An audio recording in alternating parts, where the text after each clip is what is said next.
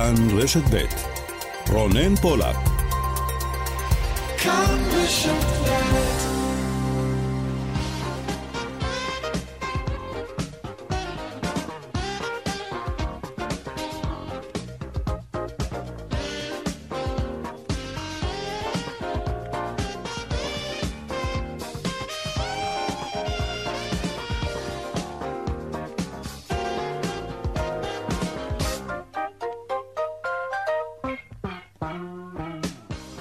ארבע ועוד כמעט שש דקות, צבע הכסף, התוכנית הכלכלית כאן ברשת ב'. שלום לכם. עוד רגע נהיה עם הפוליטיקה, שם מלאכת הרכבת הממשלה עוד לא הסתיימה.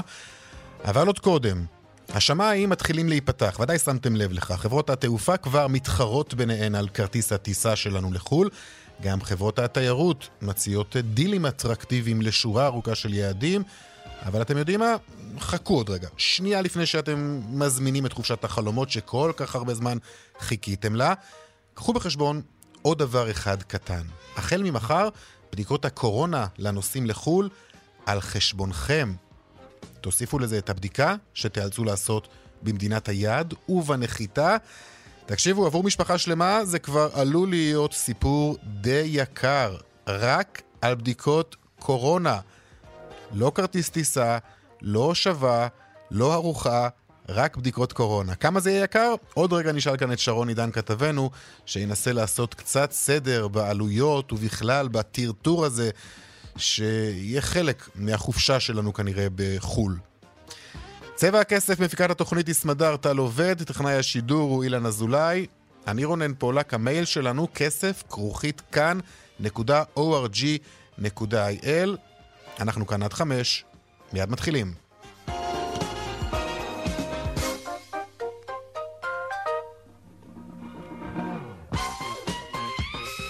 פותחים בכותרות צבע הכסף, פוליטיקה, יומיים לפקיעת המנדט של יאיר לפיד והמשא ומתן בין מפלגות גוש השינוי נמשך, יש מחלוקות, יש עדיין קשיים, בין השאר תיק החקלאות הפך למוקד של התגוששות בין כחול לבן ליש עתיד. בכל מקרה, יאיר לפיד אומר היום בישיבת סיעתו בכנסת, נתגבר גם על זה. מדינה מפולגת ואלימה לא תתמודד טוב לא עם האיראנים ולא עם הכלכלה. והנהגה שמסיתה אותנו אחד נגד השני פוגעת ביכולת שלנו להתמודד עם האתגרים שניצבים בפנינו. תלכו להקשיב לנאום הזה של נתניהו. זה היה נאום מופקר ומסוכן של אדם שאיבד את הבלמים. והחולשה שלו מחלישה אותנו. גם אם ליש עתיד היו 40 מנדטים, זו הממשלה שהייתי מקים. ימין, שמאל ומרכז. ממשלת אחדות, ממשלה שתדאג לכל אזרח ישראלי, כולל אלה שלא הצביעו בעדנו, כולל אלה שלא יהיו חברים בה. עוד מעט אה, נרחיב על כל ההתפתחויות הפוליטיות עם זאב קם, כתבנו בכנסת, בדרך אה, להקמת ממשלה חדשה. נמשכת ההתאוששות בענף התעסוקה, שיעור האבטלה הכולל עובדים שיצאו לחופשה ללא תשלום בשל משבר הקורונה ממשיך לרדת. שלום דנה ירקצי, כתבתנו לענייני כלכלה. את עם הנתונים שמפרסמת היום הלשכה המרכזית לסטטיסטיקה. דנה. שלום רונן, נכון. שיעור האבטלה שכולל אנשים שיצאו לחל"ת בגלל משבר הקורונה במחצית הראשונה של חודש מאי ממשיך לרדת ועומד על 6% ו-7 עשיריות האחוז. מדובר ב-260 ושבעה אלף בני אדם שנמצאים מחוץ למעגל התעסוקה. רק לשם השוואה, במחצית השנייה של חודש אפריל, שיעור האבטלה עמד על 7 אחוזים ו-9 עשיריות האחוז. על פי חוק רשת ביטחון כלכלי לתקופת הקורונה, הסף שנקבע בחוק להרחבת הזכאות לדמי אבטלה הוא 7 אחוזים וחצי, ובעקבות הירידה הזאת, התשלום של דמי אבטלה שאמור להתבטל בתוך שלושה, אמור להתבטל בתוך שלושה ימים, אלא שממילא דמי החל"ת mm-hmm. אמורים להסתיים בסוף חודש יוני, ובינתיים יש קריאות להחליף את מודל החל"ת למודל עדכני שייתן מענה למי שנמצא עדיין מחוץ לשוק התעסוקה. תודה, דנה. ועוד uh, בהמשך, uh, מחירי פירות הקיץ. אנחנו ממשיכים במעקב שלנו כאן בצבע הכסף. ענבים ב-50 שקלים, נקטרינות ב-30 ודובדבנים ביותר מ-100 שקלים לקילו. נדבר כאן עם אה, חקלאים, ננסה להבין מדוע בישראל כמעט ולא קיים יבוא של פירות. ועכשיו לנושא שפתחנו בו, ממחר אם כן בדיקות הקורונה לנוסעים לחו"ל יהיו על חשבון הנוסעים ולא על חשבון המדינה. כמה זה יעלה לנו? כמה בדיקות נאלץ לעשות במהלך החופשה? שלום לך שרון עידן, כתבנו לענייני תיירות ותעופה, שרון. כן, שלום אה, רונן. בעצם ממחר אה, הייתי אומר אה, סוג של שינוי כללי המשחק בנתב"ג משתנים. בעצם אנחנו מדברים על שתי בדיקות שאנחנו נצטרך לשלם עליהן מכיסנו. קודם כל למדינות שאנחנו עדיין מתבקשים להגיע אליהן עם בדיקת קורונה שלילית, ויש לא מעט כאלה. קופות החולים הונחו שבעצם לא יינתן יותר אה, בדיקה כזאת בחינם. זאת אומרת שעל הבדיקות שאנחנו עושים, גם אם אנחנו מרגישים לא טוב וכולי, אה, יתווסף כיתוב שעליו כתוב שהבדיקה איננה תקפה לטובת נסיעה לחו"ל. בעברית ובאנגלית, ולכן אה, באותן מדינות אה, הסתכלו והתייחסו לבדיקה הזאת כבדיקה שאינה בתוקף. קחו את הדבר הזה בחשבון. בנוסף, כאשר חוזרים לישראל, הייתה לנו כמובן בדיקה אה, בנחיתה שהייתה עד עכשיו בחינם. ממחר היא תעלה 100 שקלים לאדם, ילד מבוגר, מחוסן, לא מחוסן, כולם צריכים לשלם. מי שיזמין מראש באתר האינטרנט ישלם 80 שקלים, אבל מדובר כמובן על סכומים יחסית אה, גבוהים, ונזכיר שכל אלה, כל הבדיקות האלה מתווספות גם לבדיקה שעדיין אנחנו צריכים לעשות בחוץ לארץ כדי לעלות על טיסה לישראל, כלומר mm-hmm. בכל יעד בעולם, כאשר חוזרים לארץ, צריך לעשות את הבדיקה גם בחו"ל למי ששוהה שם יותר מ-72 שעות, ולכן בסופו של דבר יש לא מעט מקרים שבהם נצטרך להראות לפחות שלוש בדיקות, החל ממחר אף אחת מהן, רונן, לא תהיה בחינם, וזה יכול להגיע למאות שקלים. תעשו את החשבון שלכם. שרון, תודה. אה, בהמשך נדבר כאן עם יושב ראש ההסתדרות, ארנון בר דוד, הוא יהיה אורח צבע הכסף היום. גם הדיווח משוקי הכספים כרגיל לקראת סוף התוכנית. צבע הכסף, הכל הכל ועוד בשעה הקרובה. אנחנו מיד ממשיכים.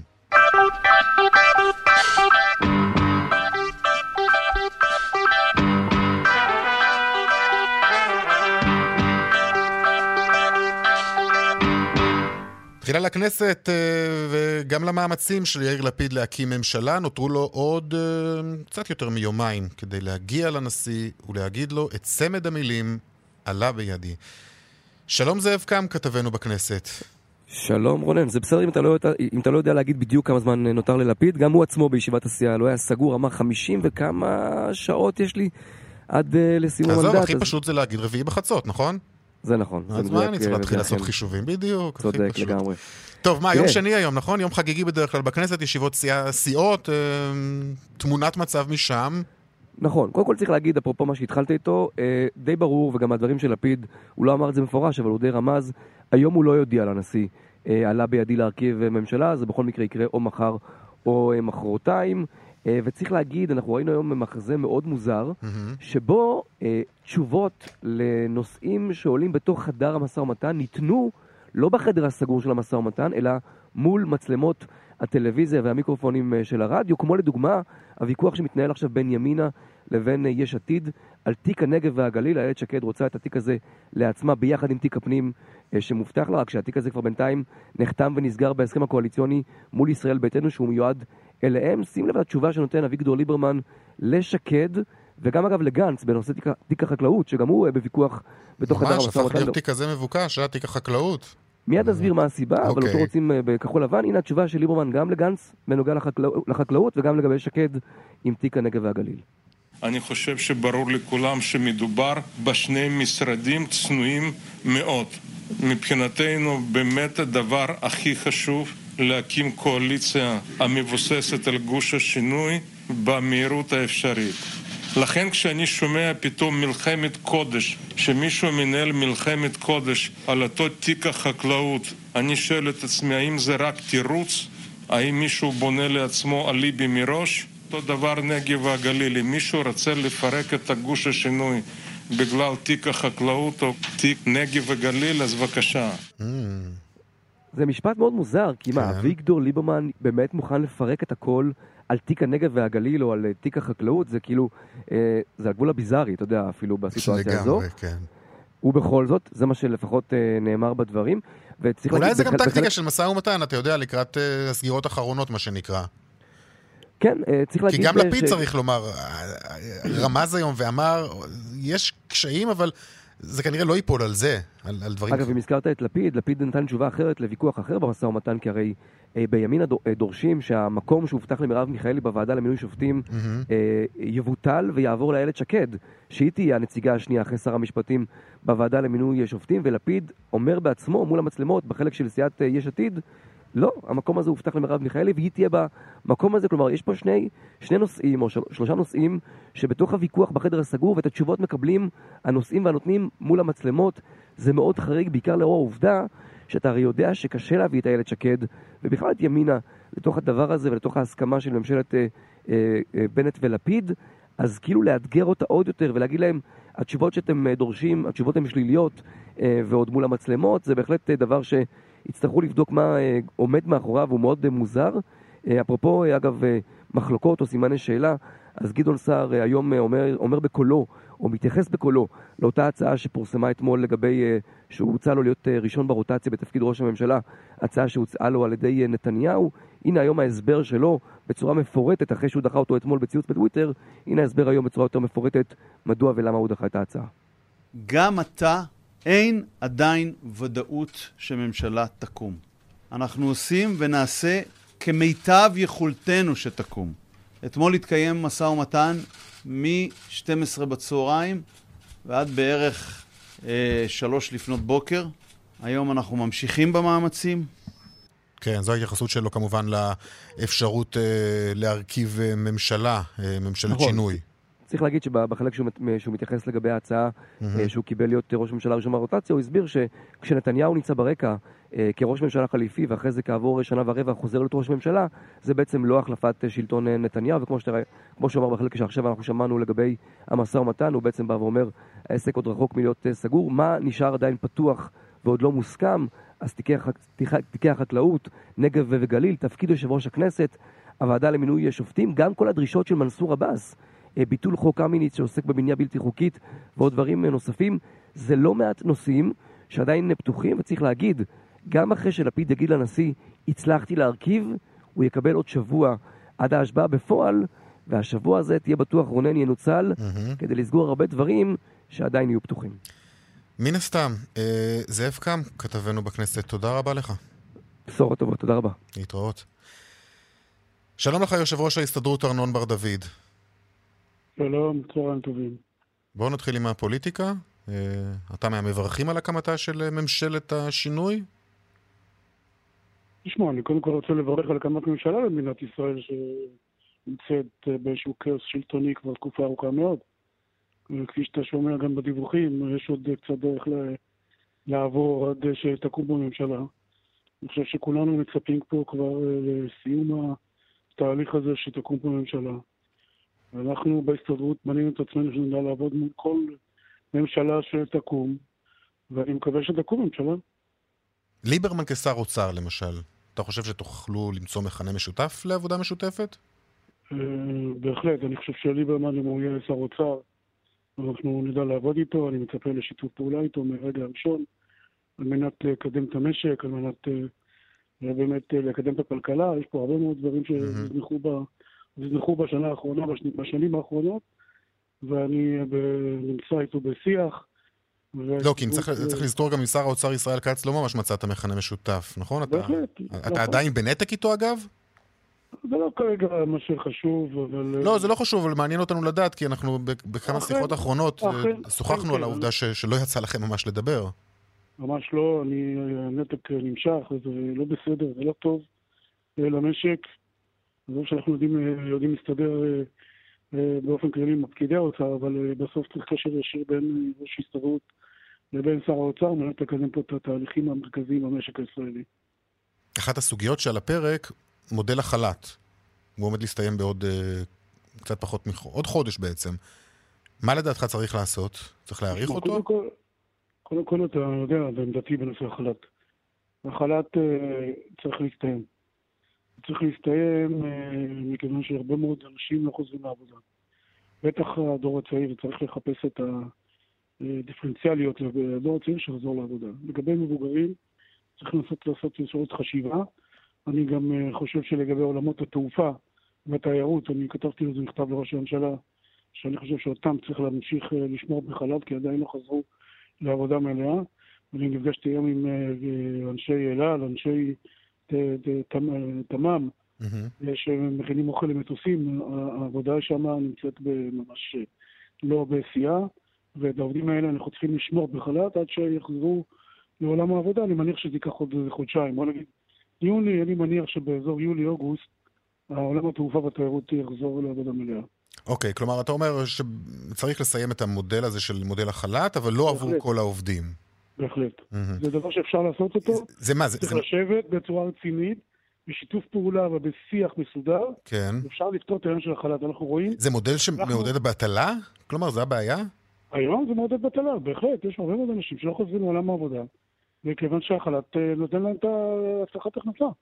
זה דבר שהוא לא, לא להאמין, אנחנו מתריעים על זה. אני והמעסיקים מתריעים על זה כבר מספר חודשים. עכשיו אנחנו רואים שהמספר המובטלים במשק הישראלי ירד מתחת ל-400 אלף פעם ראשונה מאז תחילת הקורונה. כמו שצפיתי, אנחנו, ברגע שהחל"ת יסתיים, אנחנו נראה ירידה של לפחות עוד 100-150 אלף. ועם מה שיישאר אנחנו נוכל להסתדר בעבודה נכונה, בהכשרות נכונות, בחשיבה נכונה. מצד שני, אתה יודע... אפשר להחזיר את כולם לעולם העבודה. אנחנו רואים באמת מצב, אתה מדבר על כך שיש היום יותר משרות פנויות במשק, על כל משרה מתמודדים בסך הכל היום שני עובדים. אבל מה זה אומר עלינו, על ציבור העובדים? ואני שואל אותך כמי שמייצג את ארגון העובדים הגדול במשק, זה לא קצת מאכזב? תשמע, ברגע שנותנים כנראה לעובדים, ועובדים בשכר הנמוך, אפשרות לשבת בבית עם עם דמי אבטלה בחל"ת, כחל"ת, אז הם לוקחים את זה. ועושים גם כל מיני עניינים מהצד. זה דבר שהעובד הישראלי כנראה יודע לעשות אותו. אני חושב שפתחו פה פתח שהוא בעייתי. אני חושב שהחל"ת היה נכון בשלבים הראשונים שלו, אבל לא היה צריך להאריך אותו עד, עד יוני. ממה שאתה יודע, מה אמור לקרות? אתם שותפים אגב לדיונים שמתקיימים? אנחנו לא שותפים בשולחן, אנחנו, דעתנו נשמעת. ואני חושב שדעתנו תישמע כרגע, אם תקום ממשלה חדשה, תישמע ביתר שאת. אני חושב שמה שצריך לעשות זה להפסיק את החל"ת, בטח לדור הצעיר, ולשמור אותו רק לאלה, לעולמות העבודה שלא נמצאים או שלא חזרו לעבודה מלאה. ואז זו הגנה מפני הקורונה. אבל אם נמשיך עם מודל החל"ת, אני חושב שזו תהיה שגיאה, ויש מודלים שצריך לבנות אותם. אני חושב שההצטרפות בחודש האחרון, אני נדמה לי שהאתר שלנו עוד עובד, יש לנו יריד תעסוקה מהמתקדם וירטואלי, מהמתקדם בסוגו, היו שם עשרות אלפי משרות מצוינות. יש הענות? יש הענות מדהימה, אנשים נכנסים. מה, מצד עובדים או מצד מעסיקים? מצד מעסיקים אנחנו יודעים, כלומר, שמחפשים. מצד עובדים. מצד המעסיקים וגם מצד העובדים. זה שציבור העובדים רוצה לחזור לעבוד, יש כאלה שרוצים לחזור לעבוד, יש כאלה שנמצאים בין עבודות, יש כאלה שהקורונה פגעה בהם. היריד התעסוקה שלנו מעולה, אנחנו נמשיך איתו, ואני חושב שבעבודה נכונה של שירות התעסוקה ושל המשרדים השונים, יחד עם ההסתדרות, נוכל אה, אה, לייצר עבודה לכל מי שדורש עבודה במדינת ישראל. לא צריכה להיות בעיה, כי אני צופה שמיוני, כמו שאמרתי בעבר, אתה זוכר רונן?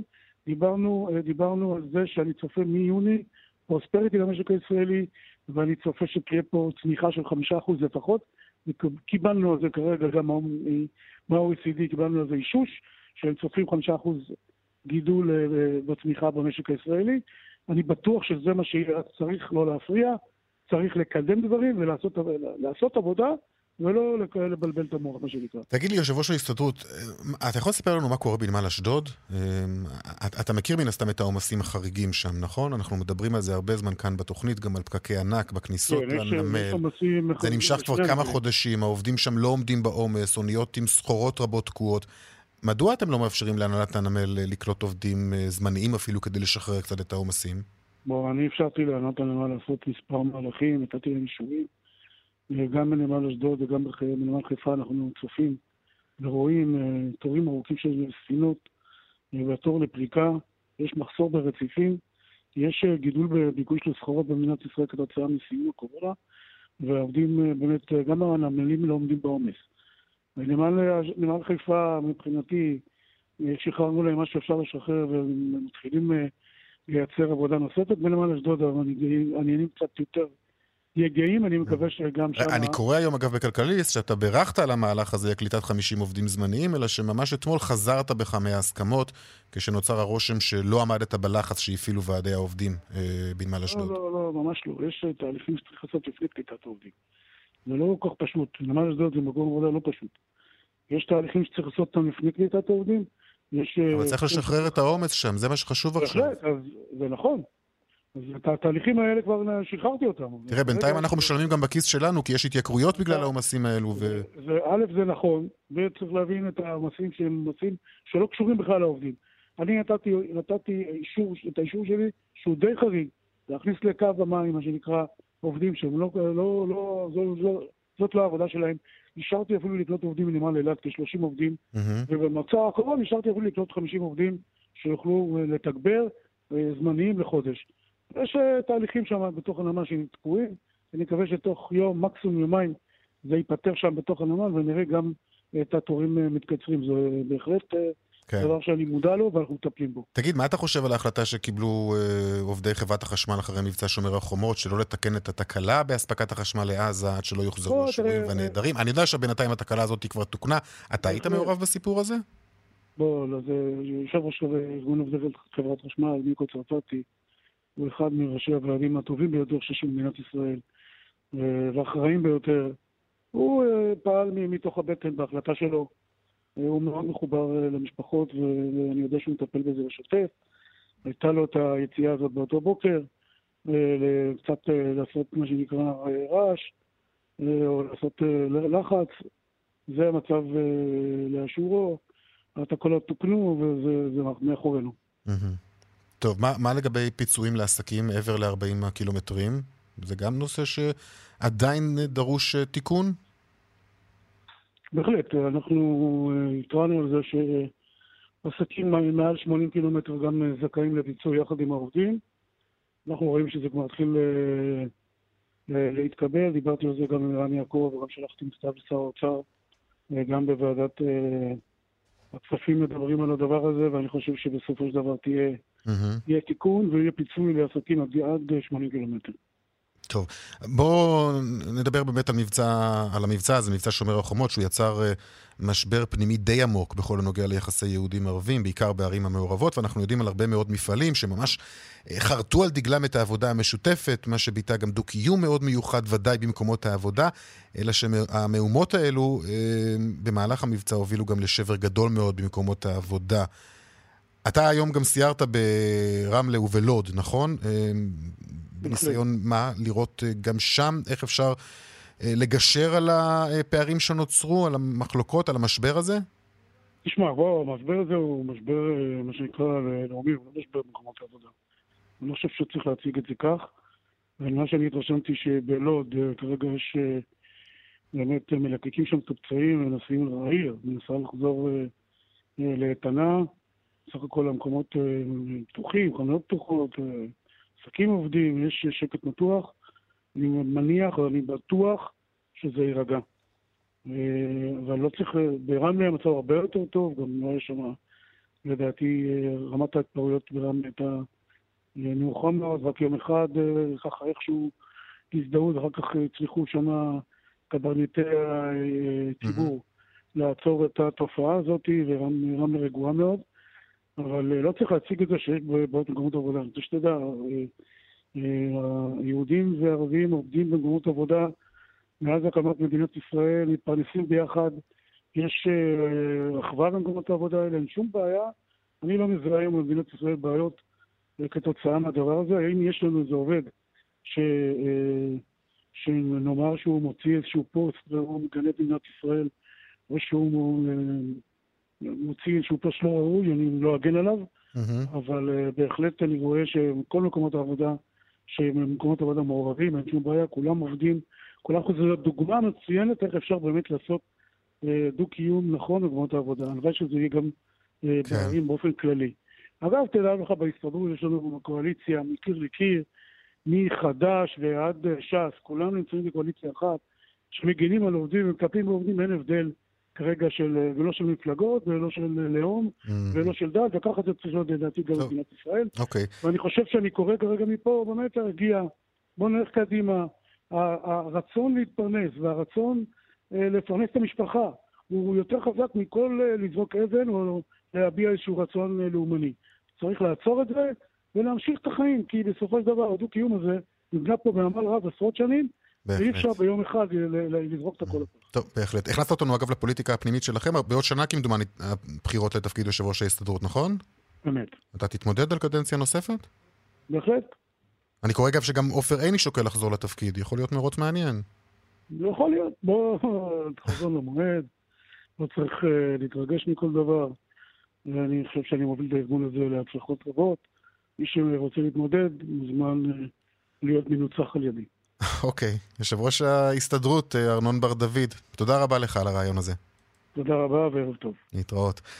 ממשיכים עם ענף התעסוקה, שלום נתן לוי, מנכ"ל ג'וב מאסטר. היי רונן.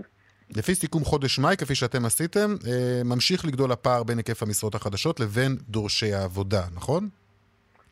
כן, תשמע, רק לפני חודש. דיברנו פה בתוכנית על איך שהמשק מתאושש יפה בשני הצדדים, גם בקרב המעסיקים וגם בקרב מחפשי העבודה שחוזרים בעצם מהחל"ת. והיום אנחנו בעצם מתחילים לראות קצת מגמה יותר מורכבת. אז עדיין אנחנו רואים עלייה מאוד יפה בקרב המעסיקים, אנחנו רואים באתר ג'וב מאסטר עלייה של יותר מ-25% מהכמות המשרות החדשות שנפתחות, וההתפלגות היא בקרב כל התעשיות, כלומר גם אנחנו רואים בענפי התעשייה, מחשבים, מסעדנות, המכירות, שירות לקוחות, כאילו שאנחנו כבר עברנו את הקורונה, די חוזרים למספרים מאוד יפים שהיינו בטרום קורונה. מצד שני, אבל... מתווה החל"ת עדיין כאן, והוא מן הסתם גם גורם מעכב עבור ההתאוששות, התאוששות רחבה יותר של הענף. בדיוק, אבל הצד השני שבעצם צריך לענות על, ה, על הדרישה הזאת, בעצם שם אנחנו רואים עלייה רק של 6%. Mm-hmm. וזה בהחלט יוצר פער ולחץ בין היצע לביקוש. אין ספק, תראה, דיברתם על זה הרבה, ואנחנו מדברים על זה כבר אה, לא קצת, המתווה בעצם שהמתגבש של הממשלה הוא גורם די מכריע בכל הלחצים האלה, אה, וזה יוצר את הפער בין הנתונים האלה. אה, החלטה להמשיך עם המתווה היא בעצם מעניקה לעובדים את התחושה שעדיין הם יכולים קצת לשבת על הגדר, קצת... כן, אמרנו, סוג של תמריץ לבטלה גם. אתה יודע להצביע נכון. על הגילאים של דורשי העבודה? האם צעירים רווקים למשל, לכן לוקחים את הזמן באופן רחב יותר מדורשי העבודה המבוגרים יותר? המבוגרים יותר, אנחנו רואים אותם יותר נכנסים ויותר פעילים mm-hmm. בחיפוש עבודה. ראינו את התופעה הזאת בעצם ברגע שהילדים חזרו למסגרות שלהם, ראינו את ה... נקרא לזה הגילאים 30 פלוס, מתחילים בעצם את הצעדים שלהם לחזור יותר מהר לחל"ת. הצעירים לוקחים את הזמן. גם התפקידים שהם הצעירים עונים, כמו תפקידים של מלצרות, שליחים, כל הדברים האלה, אנחנו רואים שהם בעצם מחכים, לא ממהרים לחזור על זה, הפערי שכר בין החל"ת למה שהם יכולים להרוויח במשק לא תמיד גורם מכריע למשוך אותם פנימה, והם מנצלים את החל"ת עד תומו, מה שנקרא. זה יוצר גם לחץ בקרב מעסיקים, דווקא תופעות מעניינות. המעסיקים מבינים שהסיטואציה היא כזאת, הם לא רוצים לחכות להחלטות כאלה ואחרות, הם כבר לא יכולים לחכות עם זה.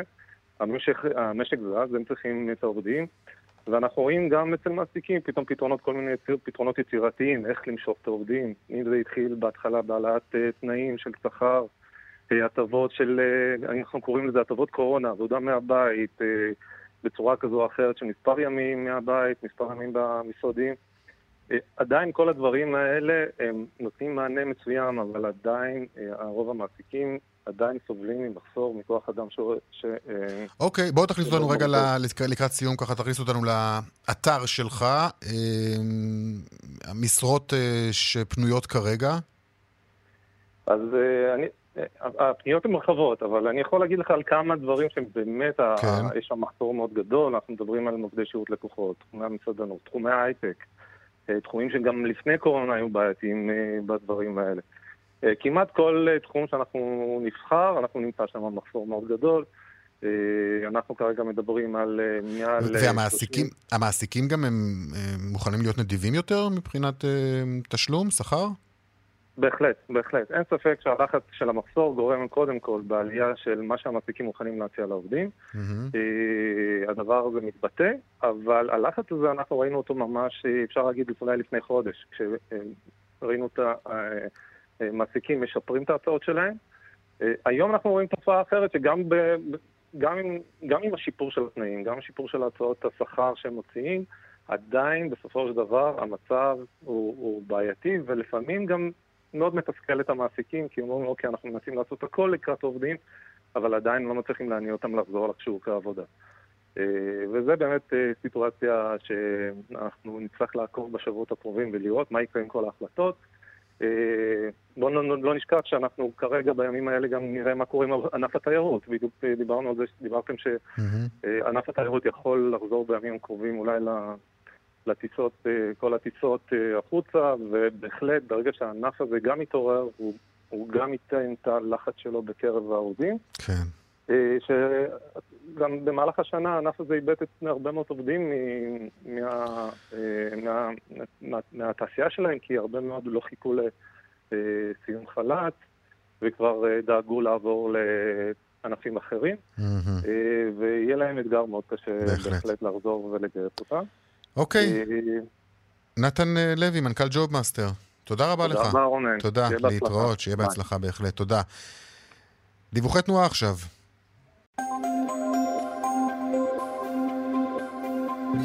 באיילון צפון העומס תנועה ממחלף חולון וקיבוץ גלויות עד גלילות, דרומה ממחלף קרן קיימת עד לגוארדיה וממחלף וולפסון עד מחלף קוממיות. דרך תל אביב ירושלים עמוסה ממחלף גנות עד מחלף לוד בגלל שריפה. דרך 67 מזרחה נחסמה לתנועה בצומת פורדיס בגלל שריפה. דיווחים נוספים בכאן מוקד התנועה כוכבי 9550 ובאתר שלנו. הפסקת פרסומות עכשיו ומיד אחר כך נדבר כאן על... Uh, המחירים הגבוהים שאנחנו uh, מתבקשים לשלם על uh, פירות, פירות קיץ. עוד מעט.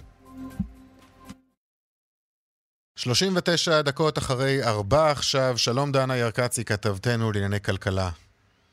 רונן. נדבר עכשיו על גל ההתייקרויות במשק. אתמול סיפרת לנו על הרמזים שפיזרה חברת דיפלומט בדוחותיה הכספיים אה, לגבי הכוונה שלה לעדכן את המחירים של מוצריה. היום כבר אומרים לך קמעונאים כי רשת דיפלומט אה, הגישה אה, כבר בקשה להעלות מחירים. נכון, רשת דיפלומט הגישה בקשה להעלות את מחירי החיתולים של חברת פמפרס מ-21 שקלים ל-22 שקלים, בקשה שתיכנס לתוקפה החל מהראשון אה, ליולי, אה, אבל זה, זה לא רק זה, אה, אותם קמעונאים מספרים לנו לכאן חדשות שעוד ספקי יבוא הגישו להם בקשות להעלאות מחירים, אנחנו מדברים על ספקים כמו תומר שימורים, כמו יכין, כמו שסטוביץ', אה, שמוכרת את המוצרים של אה, מאסטר שף, אה, כמו פרימיר, הגישו בקשה להעלאת מחירים שבין, בממוצע של 8% למוצרי השימורים שלהם. בשסטוביץ גם מדברים על מוצרי הניקוי שלהם ומוצרים נוספים, וזה מה שמסתמן כמו ניסיונות של ספקים ויבואנים לנצל את הגל הזה, את הגל שבו ישנה עליית אה, מחירים בכל מה שקשור אה, לנושא של אה, ההובלה הימית, להגיש את הבקשות להעלאות מחירים, לראות את התגובות של הקמעונאים, האם יהיו מי שיקבלו את זה או לא יקבלו את זה, ובהתאם לכך ימשיכו את הגל של העלאות מחירים. כן, טוב, צריך לזכור גם ולהזכיר שרשתות השיווק הייתה להם שנה אה, לא רעה בכלל בכל הנוגע אה, לענף המזון. אנחנו רואים רק היום רשת רמי לוי אה, מדווחת על הרווח הנקי שלה ברבעון אה, הראשון של השנה שזינק ב-62 אחוזים. לכ-47 מיליון שקלים. זה המון, זה רווח גדול, זה, רווח, זה, זה זינוק גדול, ובכלל, כל הרשתות הקמעונאיות כמעט מציגות אה, רווחים אה, מאוד גבוהים בחודשים האלו. אה, אפקט הקורונה גם הוא השפיע כאן. דנה ירקצי כתבתנו, תודה רבה לך. תודה רבה. אנחנו uh, ממשיכים עם הנושא הזה של ההתייקרויות, מחירי uh, פירות הקיץ, מעקב צבע הכסף, נושא שאנחנו לא מרפים ממנו, נקטרינות, אפרסקים, ענבים, דובדבנים, מישמישים, פירות, שכל אחד צריך להרשות לעצמו, אלא שהשנה מחירי הפירות האלו בשמיים, אחת הסיבות למחירים הגבוהים יבול דל מאוד של פרי השנה לעצים. שלום לך, אה, רני ברנס, יושב ראש ענף הפירות במועצת הצמחים. שלום לך, רני ברנס, ואני נוטע ויושב ראש. קודם אני מגדל פירות. אוקיי, אה, חקלאי, זה תמיד אנחנו צריכים לדבר גם עם חקלאים.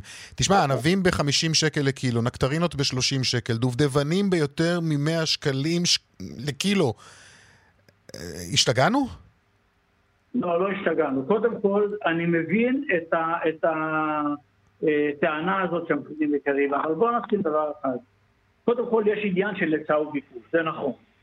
השנה יש יבולים נמוכים מאוד, החקלאים, אף אחד מהחקלאים לא, לא יתעשר, ואף אחד לא יקנה את ישראל, אל תדאג. העניין הוא שיש יבולים נמוכים וההיצעות... אבל אני רוצה להחזיר אותך לרגע. אנחנו בכלל לא קובעים את המחיר. אני משווק את הפרי שלי לסיטונאי, זה יושב בקונסיגנציה והם קובעים את המחיר, ותאמין לי, בין המחיר שאתה רואה על המדף למחיר שאני קיבלתי אין דמיון. אוקיי, אז בוא, בוא, בוא, בוא נדבר על הדרך הזאת שעושה הפרי, מהשלב שבו אתה קוטף אותו אה, עד השלב שהוא מגיע למדף בסופר. אני רוצה, אני רוצה שנייה אחת לומר לך משהו. כן. גם כשבוחנים אותנו מול העולם, מול ה-OECD, אנחנו 80 אחוז, אנחנו המצרך היחידי, אני חושב, שאנחנו יותר זולים מאירופה. רק הפירות והירקות. אנחנו המצרך היחידי שבהשוואה ל-OECD, אנחנו יותר זולים. מה אתה, מה הצרחות הגדולות, אבל בנגיד שאני מבין שזה יקר. אבל תשמע, מי שקובע את התשומות לחקלאים, הכל זה המדינה. קרקע, מיסים, ארנונה, מס על עובדים, יבוא, הכל, החשמל, המים, הכל קובעת המדינה. במדינה שהכל בהכי יקר אי אפשר לייצר בזול גם, כל שכן שאני מחזיר אותך שאנחנו לא קובעים את המחיר. לא קובעים. אוקיי, אז אתה יודע מה, בוא ננסה כן. לדמיין מצב שבו אה, אולי כדי להתגבר על המחסור אה, נביא מחו"ל פירות, ירקות, מוצרים שבהם יש מחסור. אתה יודע מה, בוא אני רוצה לצרף אלינו לשיחה את רועי שפלר, הוא סמנכ"ל טריפל סל, משנה ליושב ראש עמותת יבואני תוצרת חקלאית לישראל. רק שנייה, אני אגיד לו שלום, שלום לך רועי. שלום רונן, אחר צהריים טובים. אז בוא תגיד לנו אתה בעצם, יש דרך להתגבר על המחירים הגבוהים האלו?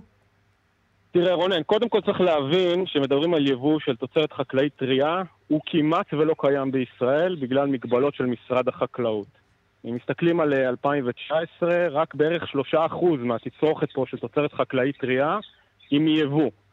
את רוב המוצרים, את רוב המוצרים, בסדר? את רוב המוצרים, אה, הנשירים, אה, רוב גדול מה, מהטרופים, הסאב-טרופים, חלק גדול מהירקות אי אפשר בכלל להביא לישראל, וגם אלה שאפשר להביא לישראל הם תחת מגבלות דרקוניות של משרד החקלאות, ותחת מכס מאוד מאוד מגביל שמייקר אותם, לצר... אה, אותם בסוף לצרכן.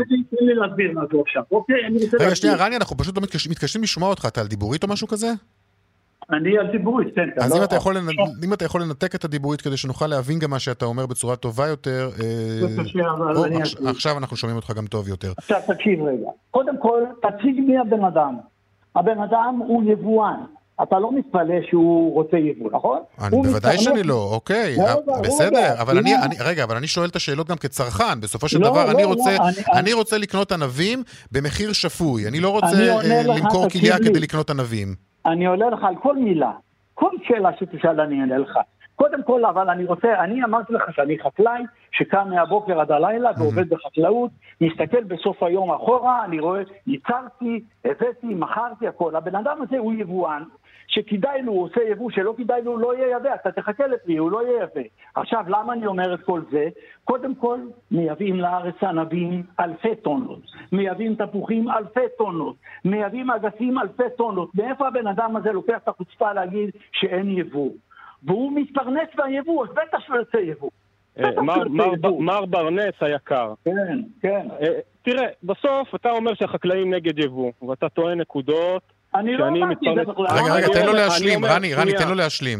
שנייה, לא בוא נסתכל, שנייה, לא שנייה, בוא נסתכל, בוא נסתכל על כל תאגידי החקלאות בישראל, רובם הגדול יבואנים בעצמם. רובם הגדול יבואנים בעצמם. למה אתה רוצה, רק לך מותר לייבא? היא הנותנת, היא הנותנת. רק לך מותר לייבא? חס וחלילה, חס וחלילה. עכשיו, לעניינו של דבר, שנייה, מר ברני, שנייה, לא, לעניינו של דבר. לא רני, סליחה. אם מחר בבוקר היו מתירים ליבוא, אני לא מדבר על 50% מהמוצרים, אלא עוד 10% מהמוצרים שקיימים בעולם, המחירים לצרכן היו יורדים בוודאות, כמו כל מדינה אחרת בעולם. שנייה, תן לי לסיים, תן לי לסיים. כמו כל מדינה אחרת לא, בעולם המערבי. רגע, רני, רני, אני אתן לך את האפשרות להשיב לו, אבל אנחנו לא יכולים להבין כששניכם מדברים בו זמנית. אז רני, בוא תן לו להשלים, בוא תן לו להשלים, ואחרי זה אתה תוכל גם כן להגיב. ישראל מתנהגת כמו משק אוטרקי בנושא החקלאות. בישראל החקלאות, היבוא החקלאי הוא במקום האחרון מבין המדינות שאני מכיר, ממדינות אירופה ואמריקה והמדינות המפותחות וה-OECD, מותר להביא בערך 20 עד 25 מוצרים שבמדינות חקלאיות יותר פי כמה וכמה מישראל, שמבודדות? פי כמה כמה וכמה? מותר להביא, בניו זילנד ובספרד ובאוסטרליה ובסין, רק בישראל, שנייה, רק בישראל, משרד לא, לא, החקלאות לא נכון. חוסם, חוסם, בוודאי, מבחינת מוצרים, בוודאי. בוודאי, אני גם יכול להציג... חבר'ה, בואו לא נרחיק עד ניו זילנד, אנחנו רוצים לנסות להבין מה קורה כאן. הבן בשורה התחתונה, אוקיי, שורה תחתונה, שורה תחתונה, שורה תחתונה רועי ואחרי זה רני, כן. בשורה התחתונה, משרד החקלאות חוסם בגופו את היבוא מזה עשרות שנים, וזה עולה לכיס של הצרכן זה הישראלי. יוז- יבוא יוזיל לנו את המוצר... את בוודאות, כן? בוודאות, ב- בוודאות. אני מוכן להציג מספרים ולא להשתמש בפופוליזם. אני מוכן להציג מספרים וגם הצגתי למשרד החקלאות, כמו ביבוא אננס ומוצרים אחרים. שילוב של יבוא, אפילו בעונה ההפוכה, שלא יפגע בחקלאות המקומית, בפירות וירקות שלא מגדלים, ואין יתרון לגידול שלהם בארץ, כמו אננס. ישראל היא לא מדינה טרופית, צריך להבין. אפשר לייבא, אפשר לייבא במחירים שווים לכל נפש, בטח ובטח להתחרות באננס ביורו ש- שקיים באירופה. אוקיי, רני, אני? בבקשה רני. אז אני אומר ככה, קודם כל, אה, אני לא מתפלא שהוא רוצה יבוא כי הוא יבואן. אוקיי, עכשיו, את זה אמרת, בוא נ- בוא כן. נאמר, עכשיו, הוא לא הבטיח לאזרחי ישראל שום מזון. לא יהיה לו כדאי, הוא לא יעשה יבוא. זה ברור לך. עכשיו, ככה, בננות. אנחנו מייצרים בארץ בננות. מחוץ לארץ, אם אתה רוצה לייבא בננות, אתה מייבא בננות, קודם כל, שיש להם 40 ריסוסים, ואנחנו בארץ אפילו לא ריסוס אחד. אנחנו לקחנו תפוח ואגס שעשו יבוא. שהוא שותף לדברים האלה, ובצינו להם בדיקות לשאריות חומרי הדברה. אם אני הייתי מייצר מזון כזה, אם והיו מוצאים אתה, אצלי, היו סליחה, סוגרים לי את אתה המשק. משקר, אתה משקר על אתה גלי האצ"ל, עכשיו תשמע סליחה. רגע, עכשיו אתה עכשיו שותק. אני אסביר לך, אתה כי, אתה עכשיו- מוציא אתה- דיבה, אתה מוציא דיבה, אני אסביר לך למה. כי כל 20 אתה- טון שנכנסים לארץ. נבדקים על ידי משרד לא, הבריאות. עכשיו אני מדבר. אוקיי, בוא תן לו עכשיו, אה, רועי, רועי, תן לו הדברה, להש- לא- תן לו להשלים כי זמננו הולך ונגמר, אנחנו ממש בחצי דקה האחרונה של ה... אז, אז אנחנו אה, הזה. אנחנו עשינו לבדיקות לפירות שהביאו מחוץ לארץ, שהם נמצאו שאם אני הייתי מגדל את זה, היו אוסרים עליי את השיווק בכלל. אננס. אם נעשה יבוא של אננס, אני מודיע לך שכל הבננות והאבוקדו בארץ בסכנה גדולה מאוד של מזיקים. זה שלא נותנים לו להרוויח על הדבר הזה, יש, כל מדינה מגנה על עצמה. ניו זילנד ואוסטרליה, אתה לא יכול להיכנס עם תפוח בכיס, הכלבים יאכלו אותך שם, בנמל התעופה. ועכשיו הם בונים להם תיאוריות שקריות על חשבון המגדלים, אין לנו יד וחלק בזה, מייבאים לארץ כל מה שחסר. תפוח, דגס ואננס גם מייבאים.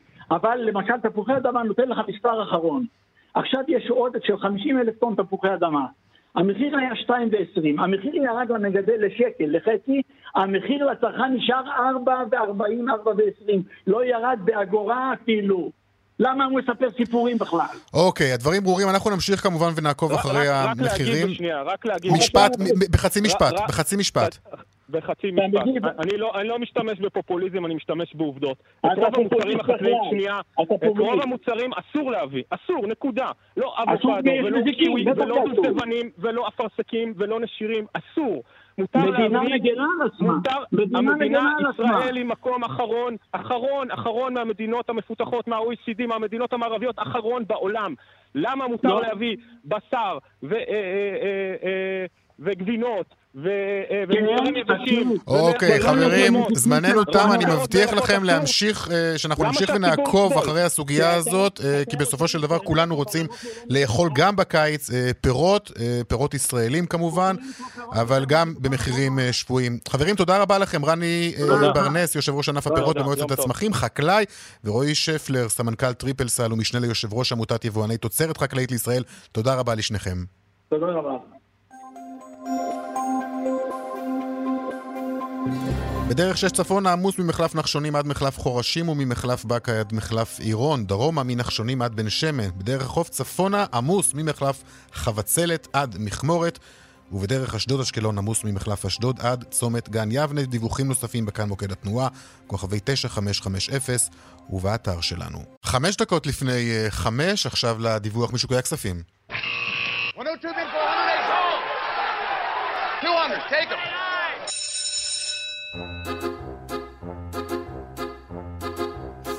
שלום רואה החשבון אמיר אייל, יושב ראש קבוצת ההשקעות אינפיניטי. אחר צהריים טובים רונן. אז מה היה לנו היום בשווקים? טוב, יום אחרון של מסחר בחודש מאי שהיה פשוט מצוין, אה, מסתיים בירידות שערים. היום הבורסה יורדת למעשה ברוב מדדי המניות, בשיעורים של 5 עד 6 עשיריות האחוז, מדד תל אביב 90 יורד ב-7 עשיריות, מדד תל אביב 35 בכמעט 7 עשיריות, כך שהשוק יורד, מתממש קצת אחרי הריצה המאוד יפה שהוא עשה בחודש מאי, אגב, מאוד בולט אגב מול שווקים זרים. מול השווקים האמריקאים שהיום לא נסחרים, יום שני, אבל יש יום הזיכרון בארצות הברית, ממוריאל דיי, ולכן אין מסחר היום. הדולר ב-3.24, משדר, השקל משדר את העוצמה גם על רקע הודעת הריבית עכשיו, שנשארה אותו דבר בארץ 0.1, באמת הנטייה להשאיר את הסטטוס קוו כפי שהוא, כאשר באמת השוק מסתכל האם תהיה ממשלה, לא תהיה ממשלה, ההערכה היא שאם תהיה ממשלה, כל ממשלה היא טובה לעסקים, היא טובה למה שנקרא הביטחון הכלכלי שמסתכלים קדימה. אחרי שנתיים של חוסר יציבות. נכון, אבל הסקטור העסקי עובד. זאת אומרת, mm-hmm. הרבה פעמים דווקא התערבות ממשלתית פחות טובה לסקטור העסקי. הסקטור העסקי עובד, התשתיות, הבנייה, האינרציה של הטכנולוגיה בוודאי. לכן הכלכלה הישראלית עובדת יפה. רואים את זה דווקא השנה מאוד חזק בבורסה. גם מאי, שמסתיים היום, היה חודש סך הכל מאוד טוב לבורסה בתל אביב, עם עליות יפות. הגדילו לעשות מדד מניות הבנקים, שעלה ב-11 או סדר של 10% פלוס וכך הלאה. אז הבורסה בתל אביב בהחלט התנהלה בצורה מאוד טובה בחודש מאי, ומתחילת השנה רואים בסך הכל את היציאה מהקורונה, רואים את הציפיות קדימה מאוד חיוביות בשוק הישראלי. יפה. אמיר אייל, יושב ראש אינפיניטי, תודה רבה לך וערב טוב. ערב טוב רונן וכל טוב. להתראות. זהו, צבע הכסף, אנחנו סיימנו, הפיקה את התוכנית, סמדר טל עובד, טכנאי השידור הוא אילן אזולאי, אני רונן פולק, המייל שלנו כסף כרוכית kan.org.il, חפשו אותנו גם בטוויטר, יאיר ויינרב או רונן פולק, אתם מוזמנים גם להגיב לנו שם. מיד אחרינו, ירון דקל ויגאל גואטה, תודה לכם על ההאזנה, ערב נפלא שיהיה לכם. להתראות, ביי.